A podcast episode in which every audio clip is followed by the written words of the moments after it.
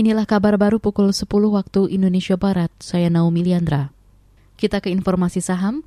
Indeks harga saham gabungan IHSG di Bursa Efek Indonesia dibuka melemah pagi ini. Pada pembukaan perdagangan awal pekan ini, IHSG terjun bebas 21 poin ke posisi 7.204. Pelemahan juga terjadi di kelompok 45 saham unggulan atau indeks LQ45 yang turun 5 poin ke posisi 1051. Selain IHSG, kurs rupiah juga ikut melemah terhadap dolar Amerika.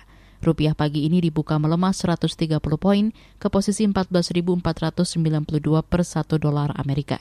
Pada penutupan perdagangan sebelumnya, rupiah ditutup di posisi 14.362 per 1 dolar Amerika.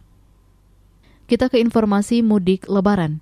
Kementerian Perhubungan meminta operator pesawat memastikan aspek keselamatan terjamin dalam melayani pemudik pada lebaran tahun ini.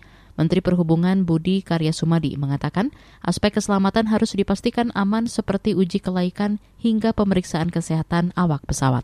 Untuk aman, tentu sebagai satu sektor yang sangat rigid dengan safety, harus dipastikan safety terjaga dengan baik.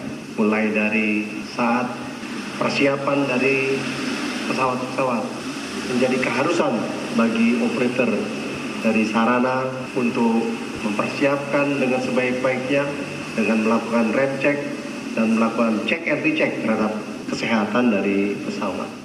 Menteri Perhubungan Budi Karya Sumadi juga meminta operator moda transportasi darat dan laut juga harus menekankan aspek keselamatan. Dalam kesempatan itu, Budi mengapresiasi animo masyarakat yang mengikuti anjuran pemerintah untuk mudik lebih awal, menghindari kepadatan saat puncak mudik yang diprediksi terjadi pada 28 hingga 30 April mendatang. Demikian kabar baru KBR, saya Naomi Liandra.